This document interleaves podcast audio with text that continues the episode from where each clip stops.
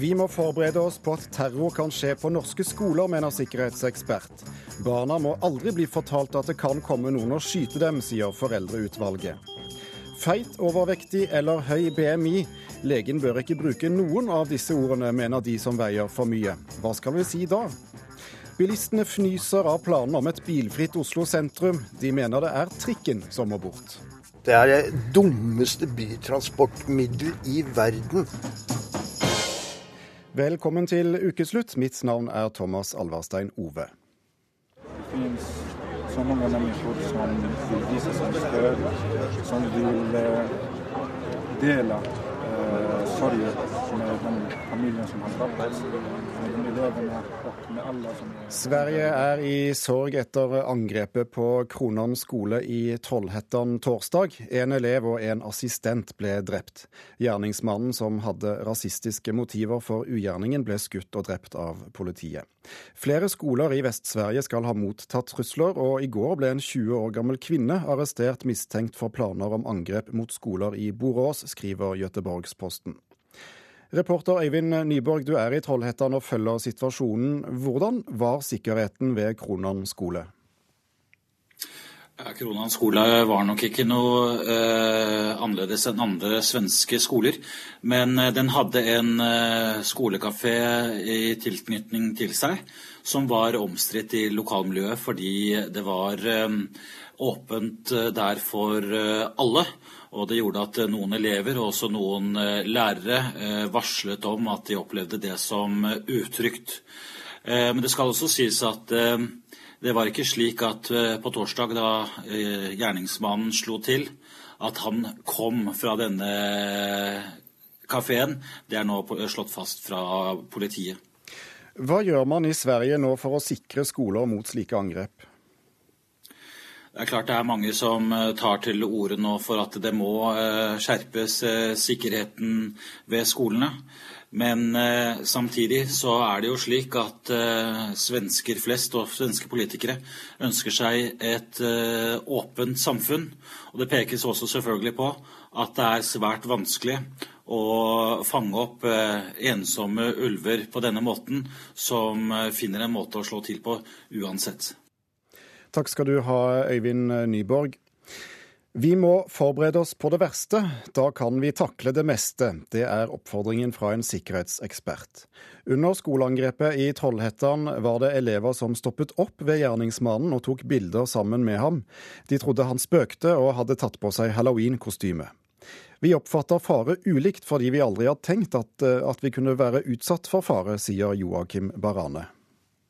Vi kan se noe som skjer, men så kan vi ha veldig forskjellig oppfattelse av hva det egentlig som er som skjer. Og det er eh, basert på hva slags kunnskap og erfaring eh, vi har fra før. Altså Hvis du har gått gjennom livet alle har vært snille mot deg hele tiden, hvis noen løfter hånda for å slå deg, så antar du at de vil gi deg en high five.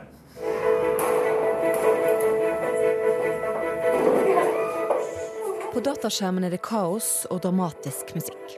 Redde mennesker springer rundt på et kontor. En mann tar et våpen opp av en svart bag og skyter rundt seg. Det er ingen TV-serie. Det er en amerikansk informasjonsfilm om hva du gjør om du plutselig befinner deg i en terrorsituasjon. You need to find a place to hide. I de fleste sånn stressede situasjoner så fungerer den analytiske delen av hjernen vår ikke så veldig bra. Da har vi mest lyst til å handle. Eh, Og hvis man ikke da har et eh, handlingsmønster som man kan hente fram fra bak i hodet, eh, så er det stor sjanse for at man gjør de gale tingene. Joakim Barne er seniorrådgiver hos Falk Nutek, et firma som jobber med tryggleik. Han er kledd i grå dress, og foran ham på bordet ligger en svart pistol. Vi kommer tilbake til den senere. I dette lyse, moderne rommet lærer Barne kundene sine å tenke den verst tenkelige tanken. Vi mennesker er sånn at vi, vi handler og vi tenker og vi trekker slutninger ut ifra Det er veldig mye erfaringsbasert. Um, og da må vi egentlig um, kompensere for det ved å tilføre oss kunnskap. Da.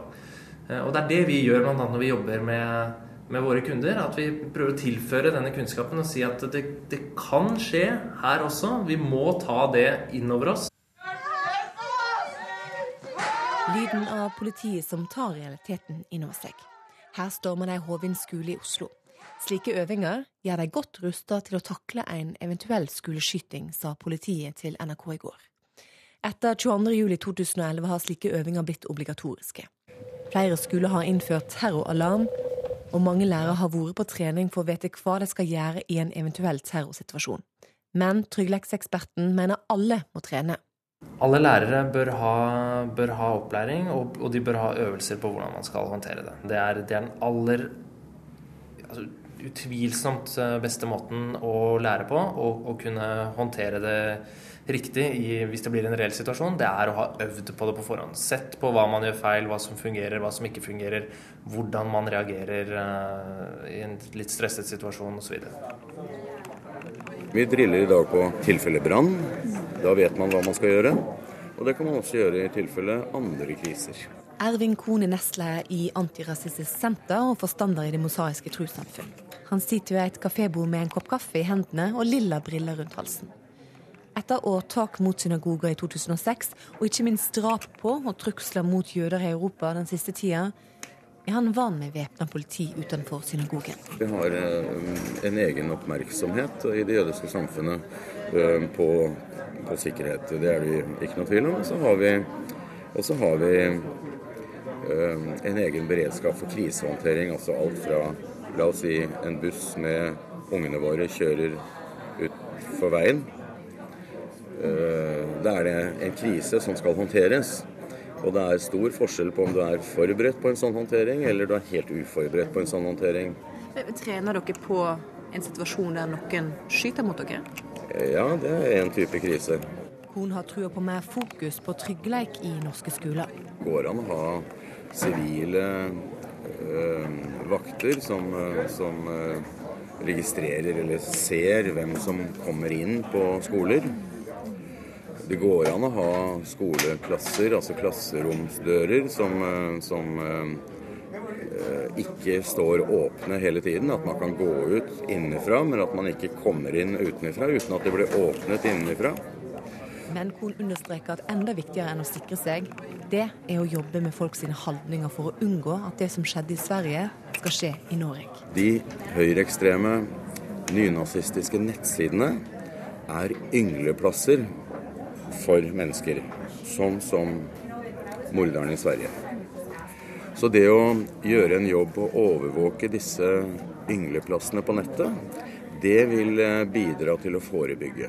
Altså Det å skape et risikofritt samfunn, det er en illusjon, slik jeg ser det. Filosof Joakim Hamali. Uh, og når det er sagt, hvis jeg skal bli litt mer konkret, så er jeg nok skeptisk til å innføre massive kontrollsystemer og sikkerhetstiltak ved norske skoler f.eks. Jeg har selv tre barn i, i skolen, og hvis jeg som forelder skulle vite at de skulle møte et omfattende sikkerhetsapparat hver gang de kom til skolen, så tror jeg personlig at det ville skape mer utrygghet snarere enn mer trygghet. Hamelin har skrevet bøker om hvordan frykten for terror kan påvirke samfunnsstrukturen vår. Norge, i likhet med Sverige, er et såkalt høytillitssamfunn, der man har basert hele samfunnsstrukturen på at folk flest er til å stole på.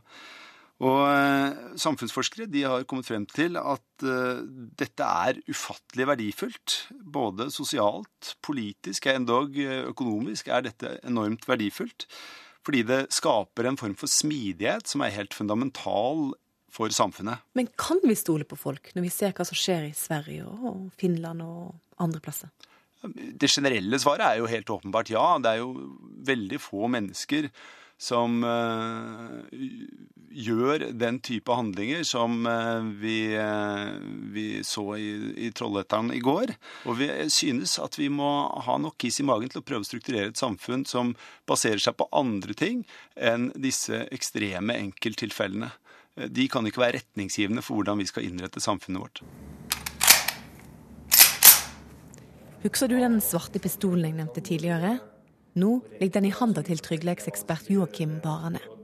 Han tar ladegrep. Vi har en øvingspistol som vi bruker. Så vi bruker hardvåpen, og det smeller litt og uh, roper litt og prøver å, å, lage en situasjon som uh, skal få uh, ja, om ikke frykt, eh, så i hvert fall adrenalinet til å, til å gå litt. Siden. Men Norge er jo stort sett et trygt land å bo i. Statsministeren kan gå rundt på gata nesten uten beskyttelse, og folk lar henne stort sett være i fred. Hvorfor skal vi gå rundt og, og tenke at det verst tenkelig kan skje? Nei, vi, vi, skal ikke det, egentlig. Og vi, vi, skal ikke, vi skal ikke bli paranoide og gå rundt og tro det verste om alt og alle i alle situasjoner. Men vi må ha det i verktøykassa vår. Måte. Vi må ha det i referansebasen vår, slik at det er en av de tingene vi kan hente fram eh, hvis noe skjer. Hvis ikke så vil vi feiloppfatte situasjonen den dagen det forhåpentligvis aldri kommer dit, men den dagen det skjer noe, så vil vi feiloppfatte det, og så vil vi handle eh, helt feil. Det kan, eh, kan, bli, kan koste oss dyrt. Det sa Joakim Barane til reporter Sara Victoria Rygg. Elisabeth Gundersen, leder av eh, Foreldreutvalget for grunnopplæringen. Som representant for, eh, for, alle norske foreldre, hvor trygg er du på at sikkerheten er god nok ved norske skoler? Helt generelt så er jeg trygg. Det er klart at episoder sånn som det som har vært nå i Sverige, det gjør at du vurderer og lurer på tryggheten. Men sånn generelt så er ikke det noe man går og tenker på hver dag. I hvert fall ikke de fleste av oss. Vi skal ikke bli paranoide, men må ha kunnskap om hva som kan skje, sier sikkerhetseksperten her, kunnskapsminister Torbjørn Røe Isaksen. Har norske skolebarn den kunnskapen? Nei, jeg, er ikke sikker på om det er når man sier at det er vi så er jeg ikke sikker på om det er skolebarna vi skal legge den byrden på. Eller for å si det på en annen måte, jeg er helt sikker på at det ikke primært er skolebarna. Vi som myndigheter, både nasjonalt og lokalt, må være forberedt på at eh, også det utenkelige kan skje. Eh, og Det betyr at eh, vi må være forberedt på det gjennom beredskapsplaner. Myndighetene, justismakten, altså politiet må være forberedt på det. Kommunen som har ansvar for beredskap lokalt må være forberedt på det, og skolen må ha beredskapsplaner. Men så må man også huske på at utdanningssektoren eh, er jo det er jo barn vi snakker om. Og nå er det selvfølgelig en forskjell på en 17-åring på videregående skole og en andreklassing på barneskolen. Men eh, vi skal ikke ha en situasjon i Norge hvor en andreklassing eksplisitt blir fortalt at de må øve fordi det kan komme en person inn og skyte i skolen. Hvorfor ikke det? Eh, nei, Rett og slett fordi jeg tror at den type, altså den fryktkulturen det vil skape, er veldig, veldig uheldig. Men vi skal ha en situasjon det er viktig å understreke, hvor barn, både eh, yngre barn og eldre barn, øver på generell beredskap. Eh, og Det er på samme måte som man eh, på en skole burde ha en brannøvelse, så må man også øve på andre eh, hendelser. Vi kaller det da for alvorlige tilsiktede hendelser, uten at det spesifiseres nærmere. Men det er jo alle av denne type ting som vi har sett i Sverige. Gundersen, hvor mye kunnskap mener du norske skolebarn trenger om, om mulige slike situasjoner?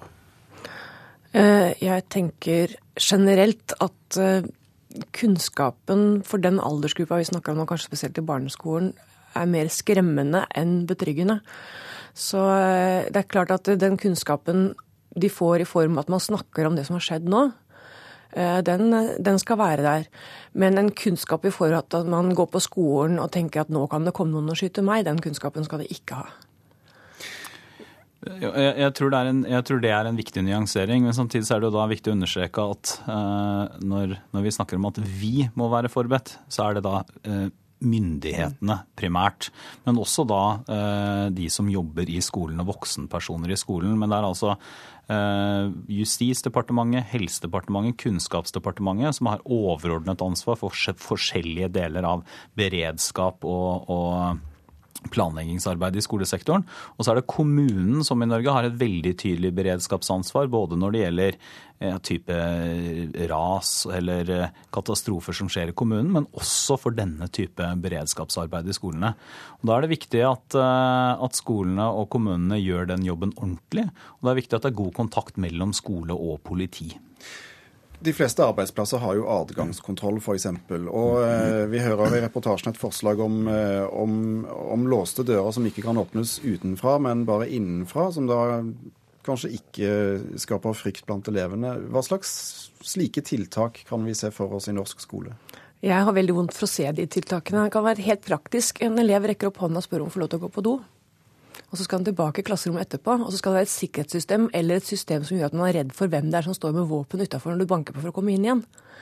Så eh, altså, Som mamma så vil jeg veldig gjerne kunne fortsette å gå inn skoleporten og ta en prat med lærerne hvis det er noe som har skjedd, og kunne gå ut igjen uten at jeg skal måtte legitimere meg. Det har noe med det samfunnet vi setter pris på. Den verdien som han sa i stad. Vi har et samfunn med den åpenheten vi har. Den, den, verdien kan også måles i kroner og øre, men det har noe med hvordan vi har det som mennesker òg, at vi går rundt og faktisk føler oss trygge. Kan slike konkrete og fysiske tiltak være aktuelt? Altså, jeg, jeg, er ingen sikkerhetsekspert. Eh, og det er heller ikke sånn at jeg eh, nå eh, kan sitte og si hvilke tiltak som vil være effektive, hvilke tiltak som, som ja, altså, Det blir vanskelig for meg å gå inn og vurdere den type enkelttiltak. Men jeg syns at det er en jobb for oss som myndigheter å hele tiden, ikke bare når det kommer saker i media, men hele tiden vurdere beredskap og sikkerhet.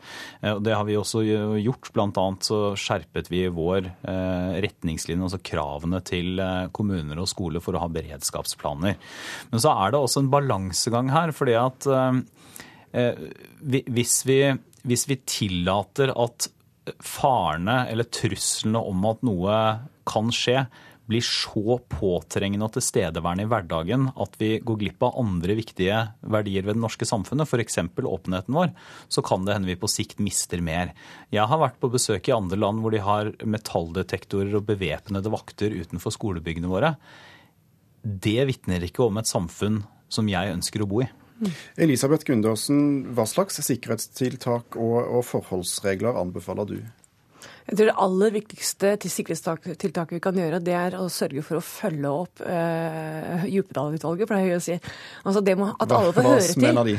Altså Alle skal høre til. For de som gjør disse handlingene, er på en måte ekskludert fra samfunnet. Enten at de har ekskludert seg selv lever i, eh, i, bobler hvor de kan tro at det er helt greit at man med rasisme, med ekstremisme så det aller viktigste tiltaket vi kan gjøre, det er faktisk å sørge for at ingen er utenfor.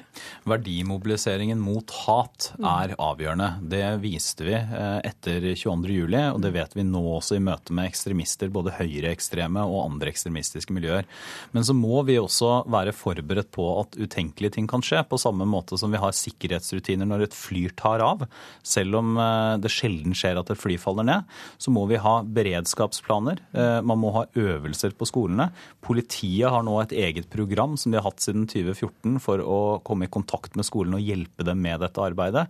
Eh, regelverket er skjerpet inn.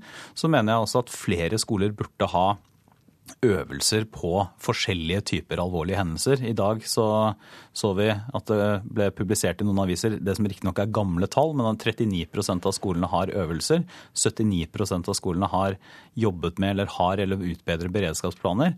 Begge de to tallene må bli høyere. Torbjørn Røe Isaksen og Elisabeth Gundersen, takk for at dere kom til ukeslutt. Takk.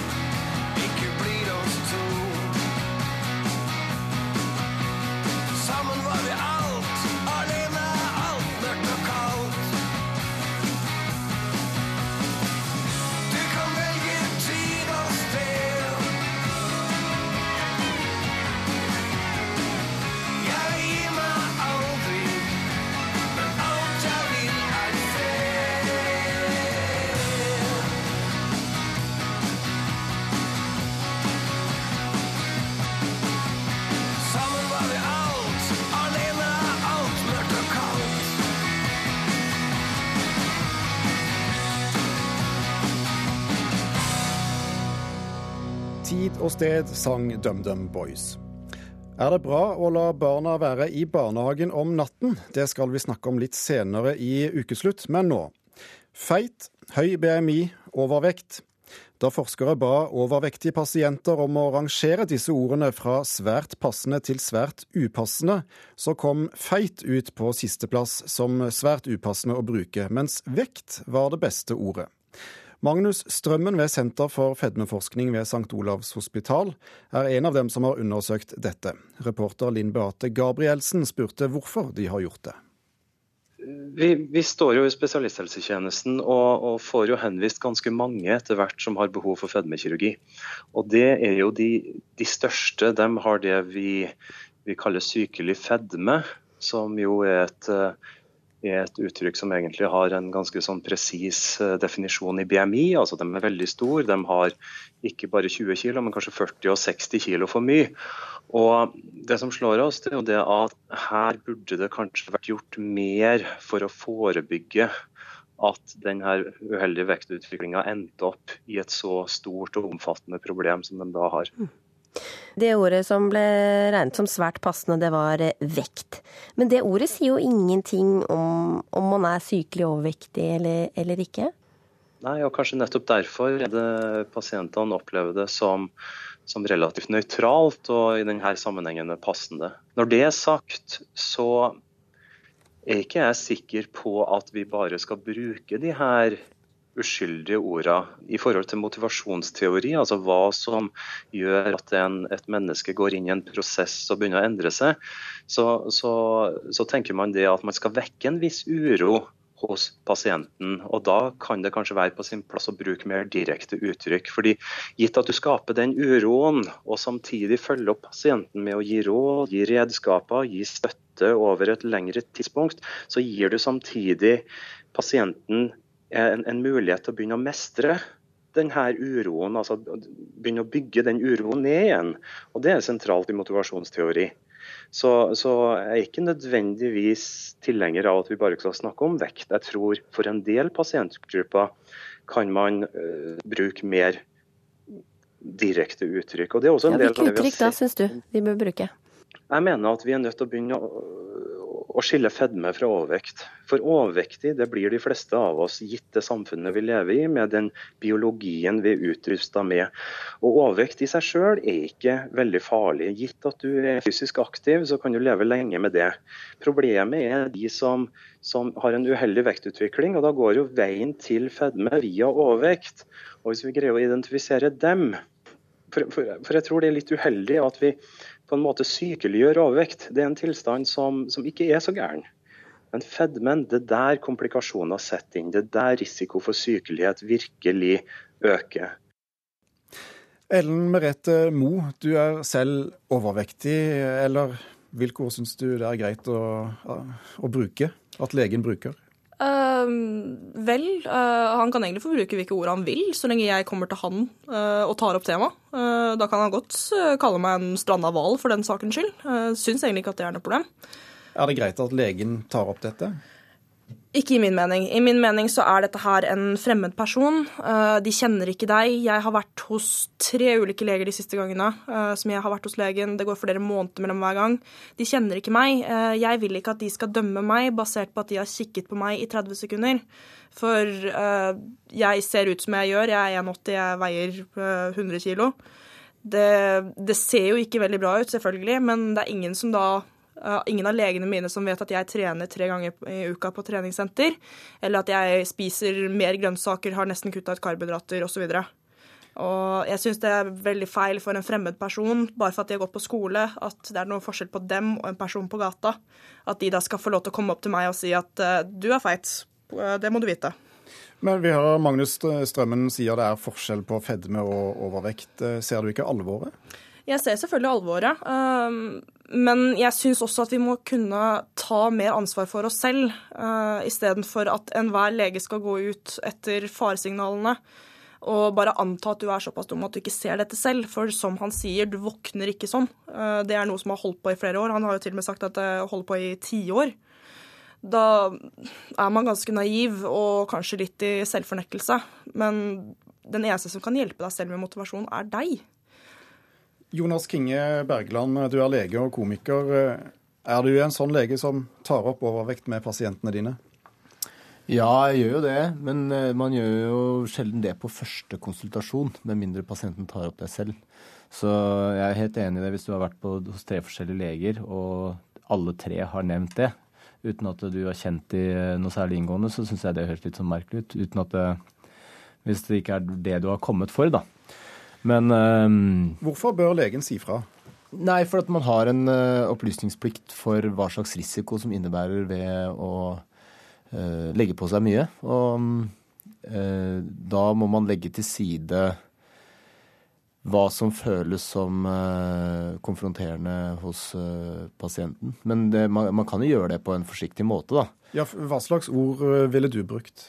Nei, jeg vil jo Altså um, man, man, gjør jo en utredning, tar tester på kolesterol f.eks. og tester for diabetes og sånn, og så informerer man om hva man tester på.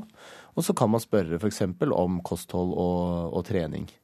Så tester vil vise at pasienten kanskje ikke eh, har den beste helsesituasjonen, uh, så man Absolutt. slipper å ta det på førsteinntrykket? Ja, altså å drive og dømme folk på, på utseendet sånn med en gang er jo litt uh, tåpelig, for man vet ikke hva, som, uh, hva pasienter gjør av innsats fra før, hva de har gjort og hva de har vært igjennom. Så man må på en måte være litt sånn forsiktig inn på det. Men jeg ja, mener hvordan absolutt Hvordan reagerer pasientene når du tar det opp? Uh, stort sett veldig greit, altså. Noen tar det opp selv, og så ser man Jeg ser jo ofte på hva slags notat som har blitt tatt og skrevet før på, av andre leger. Og, og da er det naturlig å ta opp de problemene som har blitt tatt opp tidligere, f.eks. Uh, Ellen Merete Moe, vi vet jo at uh, altfor tynne mennesker som sliter med, med, med anoreksi f.eks., ikke ser det selv. Uh, det kan vel tenkes at, at om man sliter med vekten andre veien også, så, så, er det ikke alltid sikkert man faktisk skjønner hvor alvorlig situasjonen er. Av uh, egen erfaring, da. Um, jeg har egentlig aldri vært tynn. Uh, jeg kom seint ut av uh, min mor og har egentlig vært over det vekta jeg burde vært siden da. Men det som det, det, var selvfølgelig en liten periode hvor jeg tenkte at nå har jeg ikke gått opp så innmari mye. Og så tok jeg en kontroll på meg sjøl, og da så jeg at oi, jeg hadde gått opp litt mer enn det jeg selv trodde. Men jeg visste jo selvfølgelig at jeg kunne ha gjort noe med det, og jeg tar fullt ansvar for det selv. Fordi jeg anser det ikke som at noen andre skal gå rundt og passe på meg. Jeg er ikke noens lille prosjekt. Det er jeg som må ta vare på meg. Og som du sier, det er jo selvfølgelig noen som ikke vet det, men da lever de i ganske dyp selvfornektelse hvis de er på grensa til sykelig fedme uten å se det selv. Hva er den verste måten du har blitt møtt på av en lege? Um, leger har som regel vært ganske forsiktige med meg, for jeg biter litt hardt. Nei da, men uh... Hadde du turt å gi beskjed til henne, Kinge Bergland? Ja, altså, eh, etter hvert som man blir eh, kjent og vært gjennom noen konsultasjoner og sånne ting, så kunne man jo eh, fått en oversikt over aktivitetsnivå og kosthold og sånne ting, og hva du tenker om det. Ja. Eh, uten at eh, man på en måte skal eh, slå det i trynet på deg at du, nå må du gå ned i vekt. Altså man, hvor bevisst er du? er jo en måte å ta det på. Ja. Men er overvektige, hvis det var et greit ord å bruke, er de litt hårsåre? Jeg eh, Altså, hvis, hvis, det på en måte blir sånn at man eh, ikke kan bruke noen ord etter hvert, så blir det jo veldig vanskelig. Altså, så blir det farlig å bruke, og så må man finne på et uh, nytt et som etter hvert også blir, blir, vanskelig, da. Men jeg skjønner jo det at ordet feit scorer dårligst. For det er jo på en måte Det sier jo egentlig ikke så veldig mye om hvor stor uh, vekta er. Den, uh, det er bare en nedsettende måte å beskrive vekta på. Hva er det verste ordet, syns du? Oh, uh, jeg fikk høre at jeg var brei som en amerikansk motorvei en gang. Den var ganske kreativ, syns jeg. men det var nesten så jeg lo istedenfor. Fra en lege, eller? nei, det var heldigvis ikke fra en lege. Uh, nei, det var uh, selvfølgelig skolegården med, hvor vi alle sammen utfordret hverandre med kreative uttrykk. Uh, strandet hval er også litt sånn i den kategorien. men Hvordan leger, har, ja, leger leger har egentlig vært ganske greie sånn sett. Fordi jeg har hatt veldig lite erfaring med folk som har gått til meg og sagt dette. men de har gjerne gått til min mor når jeg var yngre. Og det var selvfølgelig veldig morsomt for meg å høre i, etter, etterkant. Har du noen gode råd til, til, Bergland og andre leger om hvordan de bør gå fram på en god og, og skånsom måte? Uh, uh, jeg kan selvfølgelig ikke snakke for alle, men uh, det er min mening i hvert fall. All ære til dere leger. Absolutt, dere gjør en fantastisk jobb, men jeg vil veldig gjerne få ta det opp selv. Du hører på Ukeslutt i NRK P1 og P2. Følg med oss den neste halvtimen og hør at Bilfritt sentrum vil gjøre luften renere, men å komme seg på jobb kan bli vanskeligere. Noen gleder seg, andre gruer seg til at bilene forsvinner fra Oslos gater. Og norske fotballkamper er for kjedelige, mener Vålerenga, som vil kutte de dårligste lagene i Tippeligaen.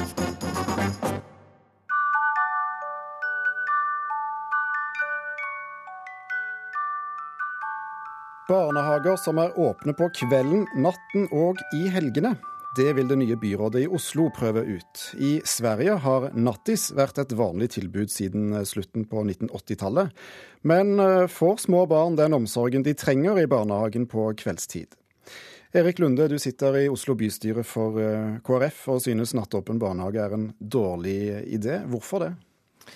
Vi mener jo eh, i likhet med veldig mange andre at vi må ha et mer fleksibelt barnehagetilbud. Eh, som har Men innenfor åtte, sju til fem eller noe sånt? Altså, Stikkordet her er jo barnehagetilbud. Et barnehagetilbud skal være et sted med et pedagogisk eh, tilbud der barn leker og lærer i samspill med hverandre.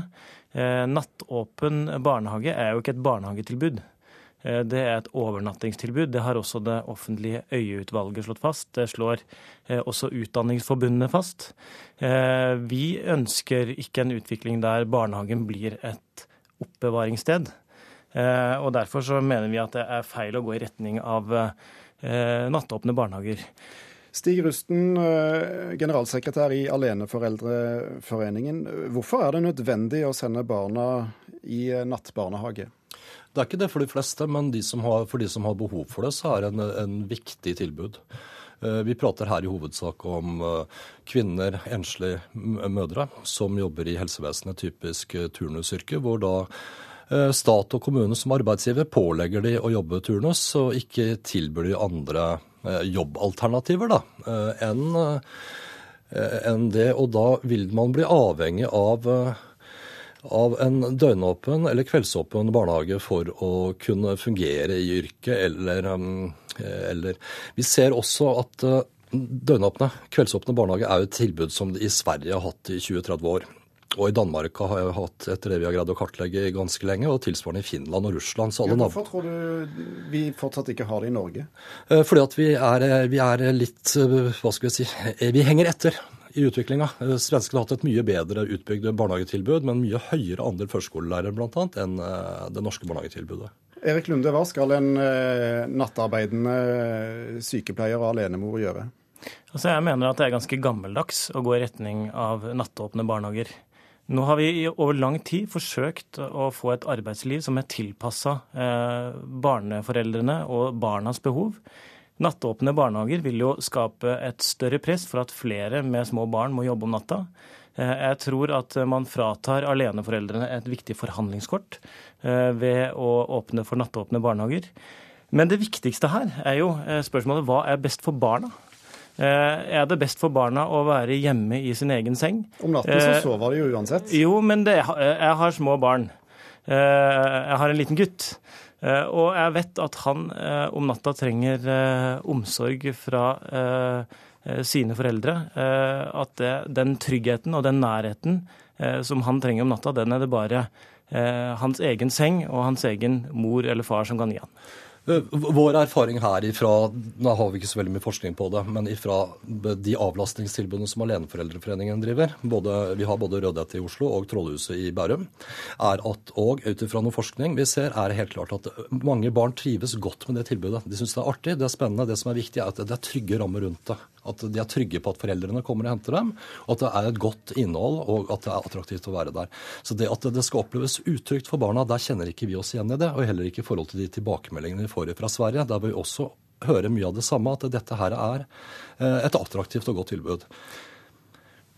Ja, altså jeg tror verken Rusten eller jeg skal være veldig bombastiske på, hva, eh, på akkurat dette spørsmålet. For vi, for vi vet rett og slett ganske lite om hvordan det er for barn å være i barnehage om natta.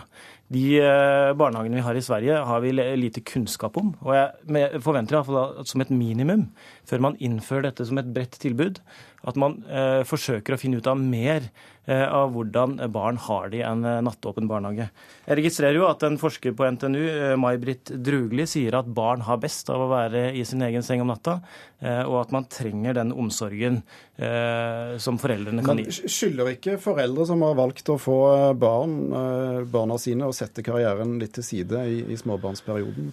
Eh, de skylder barna sine mye og forplikter seg i veldig stor grad ovenfor barna sine. Og de, de, aller fleste foreldre gjør det beste for barna sine. Hvis de ikke uh, har behov for å ha dem i nattåpne kveldsåpne barnehager, så vil de heller ikke plassere de der. Men det som vi ser er en utvikling hvor stadig flere, vi får stadig høyere andel av alenemødre som er, lever oppe i fattigdom. Vi ser at det blir vanskeligere for aleneforsørger å omskolere seg på endringer i regelverket. Og vi får klare tilbakemeldinger fra medlemmene våre som jobber jobber i det offentlige, at det offentlige de tilpasser ikke arbeidstiden i forhold til foreldrenes behov. De, de bare forventer at uh, arbeidstakerne skal kunne stille opp i forhold til uh, turnusbehovet, som vi bl.a. ser i helsevesenet. Hvem må, må ta ansvaret og tilpasse seg her? Ja, Først og fremst så har vi som foreldre eh, et ansvar for, å, for, våre egne barn. Det tror jeg de fleste er enige om. Det, det tror jeg ikke det er noen uenighet om heller blant oss. Men, men, men, hadde nå dette tiltaket løst tidsklemma, så hadde det vært en, en, en annen sak. Men saken er jo at eh, for det første så skal, er de fleste enige om at det skal være en maksimaltid i barnehagen. Eh, det betyr at eh, det blir et stort uløst eh, spørsmål. Hvor skal barna være når foreldrene må sove ut etter jobb? Også i tillegg er det viktig å få fram at disse barna blir jo seks år en gang, og da skal de begynne på skolen. Og det er jo ingen som har tatt til orde for nattåpne skoler. Hvordan går dette regnestykket opp når mor har vært på nattevakt og skal hjem og sove, og da stenger barnehagen for lillegutt som har vært på overnatting? Da kommer, foreslår jeg at man gjør det sånn som man gjør det i Sverige. Når mor har vært på nattevakt, så sover barnet i barnehagen, og så går det videre i barnehagen på dagtid. Eh, det samme har de også i Sverige som gjelder aktivitetsskolen, eller SFO. At I Sverige så er jo den nattistilbudet også et tilbud i forhold til barn i aktivitetsskolen og SFO. Sånn at da kan man sove på, eh, på nattisen og så gå rett på skolen eh, hvis man er i den gruppa under tolv år. Helt til slutt, Erik Lunde, tror du mange foreldre vil ha samvittighet til å bruke et slikt tilbud? Jeg, jeg, kan ikke svare på hva slags samvittighet eh, foreldrene skal ha. Jeg tror ikke, jeg tror ikke vi skal blande et sånt spørsmål inn i denne debatten. Men jeg, jeg syns jo det er interessant at Aleneforeldreforeningen her også tar til orde for det som da må være nattåpne skoler. Eh, overnattingstilbud for barn i skolealder. Og jeg mener at eh, vi må, vi må sette en grense for hvor lenge barna skal være i barnehagen. Og tid eh, mens barnet sover, er også verdifull tid. Det er ikke, det er ikke bare et sted folk eh, oppbevarer seg. Kanskje kommer vi tilbake til nattåpne skoler en annen gang. Takk skal dere ha, Erik Lunde og Stig Rusten. Vi skal høre hva norske foreldre mener om nattåpen barnehage. Men og, ja. Skal vi se om jeg finner noen tenner. Å, ah, det var jo mange, mange, mange tenner. Det er kveld. Tannpussen unnagjort og tida inne for å krype til sengs. Saknar, pappa. Saknar du pappa? Mm. Var är pappa någonstans då? Pappa jobbar. Ja, pappa jobber. Få se Myra her. Hun lille jenta forteller at hun savner pappa til en barnehageansatt. Nattåpne barnehager, eller nattis, har vært vanlig i Sverige siden 1988. Nå vil Oslo byråd innføre et prøveprosjekt med kvelds-, natt- og helgeåpne barnehager i hovedstaden. Jeg står utenfor en barnehage like ved Ullevål sykehus, midt i hentetida. Hva mener foreldrene her om byrådet sitt prøveprosjekt? Det høres jo litt eh, snodig ut, men eh, for noen er det kanskje viktig og et bra tilbud. Det må vel være hvis man reiser mye eller jobber nattevakter, har andre type døgn, døgn Har en annen døgnrytme da, enn andre. Ville du løst det med å ha ungene dine i en nattåpen barnehage? Her jeg står nå, så ville jeg ikke gjort det. Hvorfor ikke? Jeg ville nok ha tilpassa familien, så jeg slapp det eventuelt.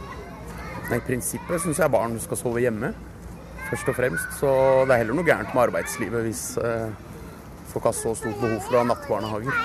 Det er noe med at man skal ha tid til barna sine òg. Men å sove hos mange forskjellige, eller sove i en fast barnehage, hva tenker du om det? Det tror jeg er veldig bra. Ja.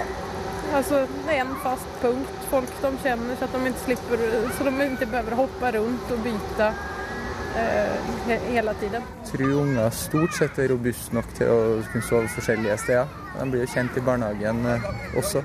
Vi er såpass trygge på de som jobber i barnehagen og ser at uh, dattera vår trives veldig godt da, så ser ikke noe problem med det egentlig. God natt, god natt, mine små troll. Reporter i dette innslaget var Eileen Lindvold. Dette er Igor Smith med Cool Kids.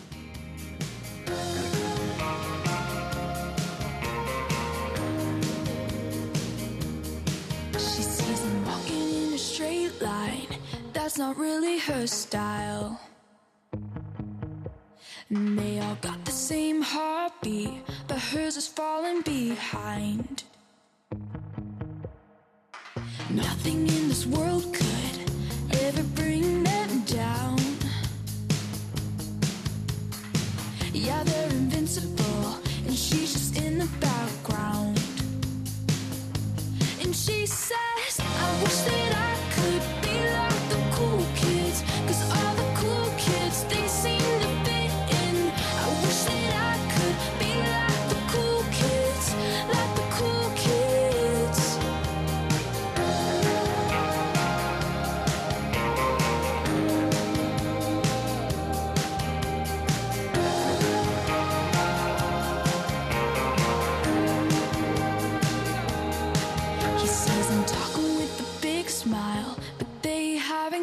clue.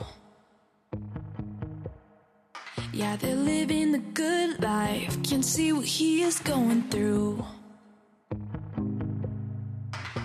They're driving fast cars, but they don't know where they're going. In the fast lane, living life without knowing.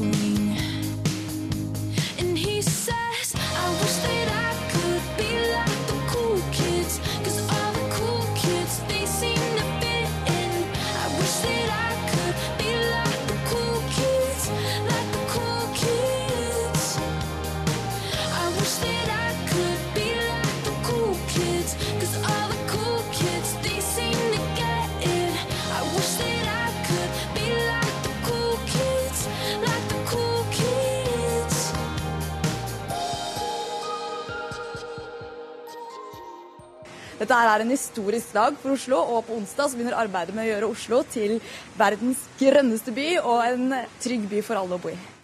Ja, Hvis byrådet får det som det vil, kan bilkjøring i Oslo sentrum bli historie. Og mens astmatikere jubler og gleder seg til mindre forurensning om vinteren, er bilfolket usikre på hvordan de skal få gjort alt de skal gjøre uten bilen til hjelp. Vi sendte reporter Karoline Elgesem ut i Oslo-trafikken. Det går raskest, rett og slett. Jeg hadde ikke noe valg, for jeg bor i Drøbak. Fordi vi kjører med barn, og vi skulle innom flere steder. Jeg har vært på tre business to business forretningsmøter. Og hvis jeg skulle gjort noe annet, så hadde jeg aldri rukket det. Bilistene jeg møter utenfor parkeringshuset på Aker Brygge, har ulike forklaringer på hvorfor de valgte bilen i dag. Men selv den beste forklaringen er snart ikke nok. Det nye byrådet vil gjøre Oslo sentrum bilfritt innen få år. Og det vil ikke bare bli lett.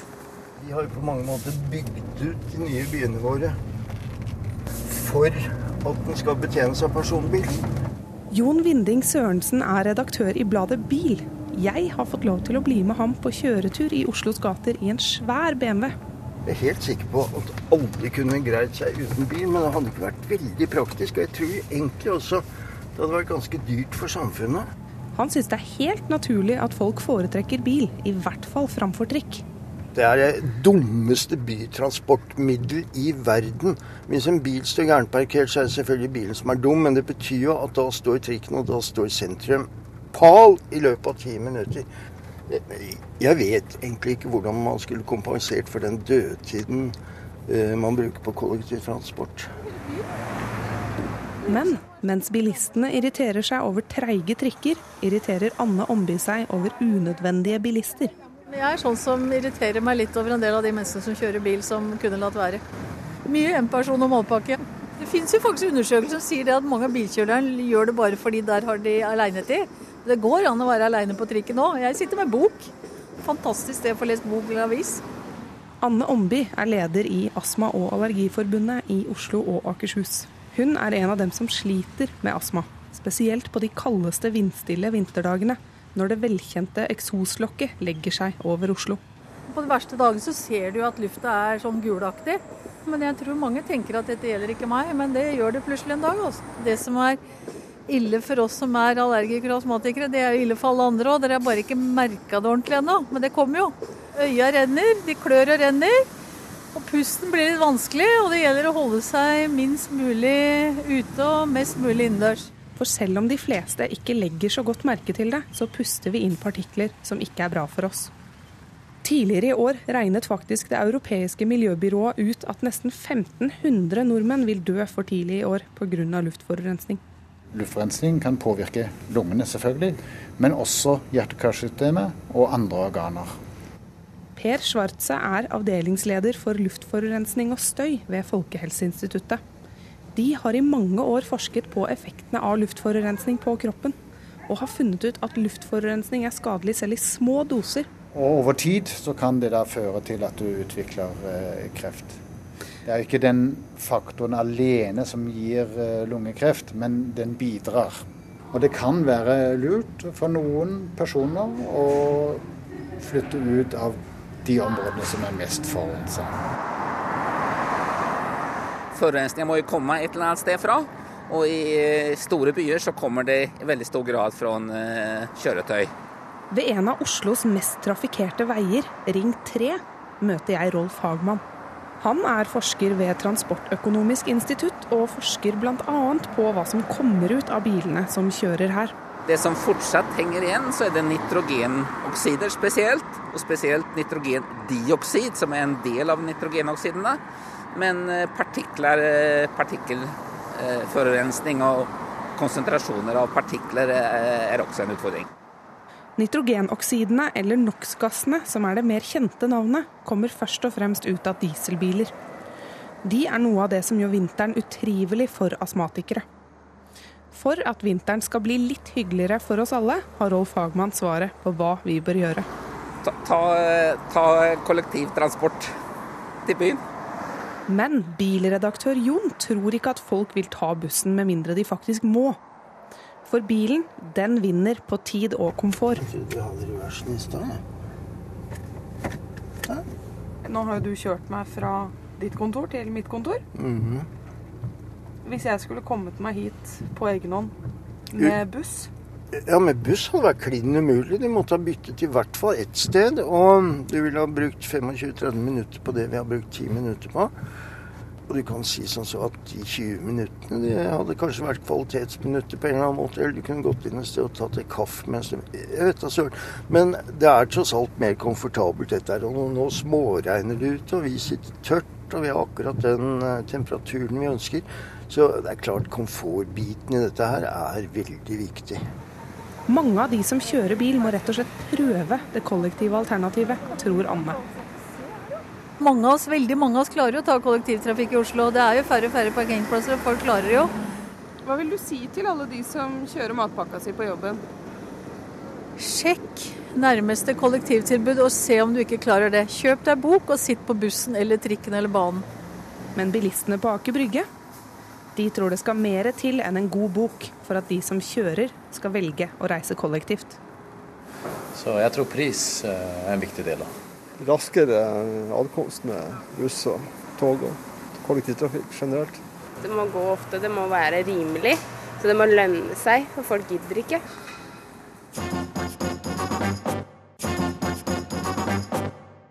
Nå er det Haugesund som eh, vinner ballen tilbake igjen.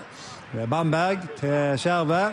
Tilbake til Bamberg på høyresida, passerer midtbanen. Ja, det er jo ikke spesielt gøy å være på fotballkamp når det er langt mellom skuddene på mål. Vålerenga har nå foreslått å kutte antall lag i Tippeligaen og innføre sluttspill for å unngå for mange uinteressante kamper. Er det for kjedelig på kamp, syns du, Erling Rostvåg? Du er talsmann for klanen i Vålerenga. Eh, Nei, jeg kjeder meg ikke på kamp i utgangspunktet. Sånn uansett? Eh, det kan jo hende at kampen er kjedelig, eh, men da er det andre ting vi som er mest gira kan fokusere på. Blant annet sang og, og bannere og sånne ting. Ja, men Hvordan er det å se på sånne kamper der det egentlig ikke, ikke skjer noen ting for dere supportere? Altså, det er noe med at hvis du investerer nok følelser i det, så er det jo neglebitende. Altså, en, en kjedelig 0-0-kamp er jo et helvete, rett og slett fordi det betyr jo at når som helst så kan motstanderen flakse til å skåre skåre det avgjørende målet. Men hvorfor er det en god idé å, å kutte bunnlagene i Tippeligaen? Eh, Nei, altså uh, Vålerenga har jo vært inne på det. Det er viktig å presisere da, at jeg er fra klanen, jeg er ikke Vålerenga. Vi er uavhengige, sånn at uh, Vi holder med Vålerenga, men vi mener ikke nødvendigvis alltid det samme som dem. Uh, men det, er, det er jo et poeng, selvfølgelig, at eh, det er kanskje litt mange lag eh, eh, som vi ville sagt kanskje uten sjel, da. Eller som er litt sånn halvinteressante. Eh, og mye eh, halvbra eller eh, dårlig fotball, selvfølgelig. Det er én greie. Men en annen ting for vår del da, handler om antall matcher i løpet av et år. Vi ønsker jo færre kamptidspunkter. Eh, Og det eh, blir jo lettere, selvfølgelig, hvis man har noe færre matcher, for man sliter jo litt, eh, særlig i år med EM og VM og sånn, med å få plass til, eh, til alle kampene innafor de ukene man har til rådighet da, i løpet av et år. Arve Gjelseth, du er fotballsosiolog og, og glad i en god fotballkamp. Tror du interessen for norsk fotball vil ta seg opp med færre lag? Nei.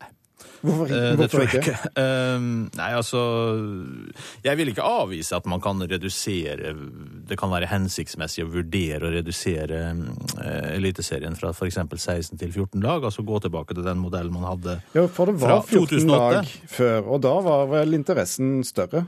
Eh, nei, uh, det er feil. Altså, interessen har gått i Siden de siste 12-13 årene så har interessen gått i en sånn berg-og-dal-bane med berget først og dalen eh, etterpå. Og det er relativt uavhengig av antall lag i Eliteserien. Uh, det var nok på det aller høyeste omtrent når man vedtok å øke til 16 lag. Men, eh, men fallet etterpå har helt andre årsaker enn antall lag. Eh, Ja, Hvilke årsaker? Nei, Det ene er jo at altså, fotball i Norge trenda veldig da man fikk disse voldsomme TV-avtalene. og sånn I 2005 så ble plutselig norsk fotball noe som alle skulle forholde seg til. Altså du, du fikk et voldsomt tilsig av B- og C- og D-kjendiser som plutselig dukka opp på stadion som ingen hadde sett før, og som erklærte at de hadde vært supportere siden 70-tallet og sånn. Altså det, det ble noe, en kul greie, da. Og sånne bølger som det varer ikke over tid. Og det er klart at eh, det kan se litt stusslig ut på en del stadioner nå, eh, men eh, i historisk eh, perspektiv så er publikumstallene i Norge fortsatt eh, veldig gode, også i et sammenlignende. Altså hvis du sammenligner publikumstallene i Norge med andre land og tar hensyn til eh, befolkningsmengde og befolkningsstruktur, så er også norske publikumstall veldig gode. Erling eh, Rostvåg, eh, hvordan påvirker det, de, påvirker det de gode lagene i, eh, i Tippeligaen eh, at det er for mange dårlige med?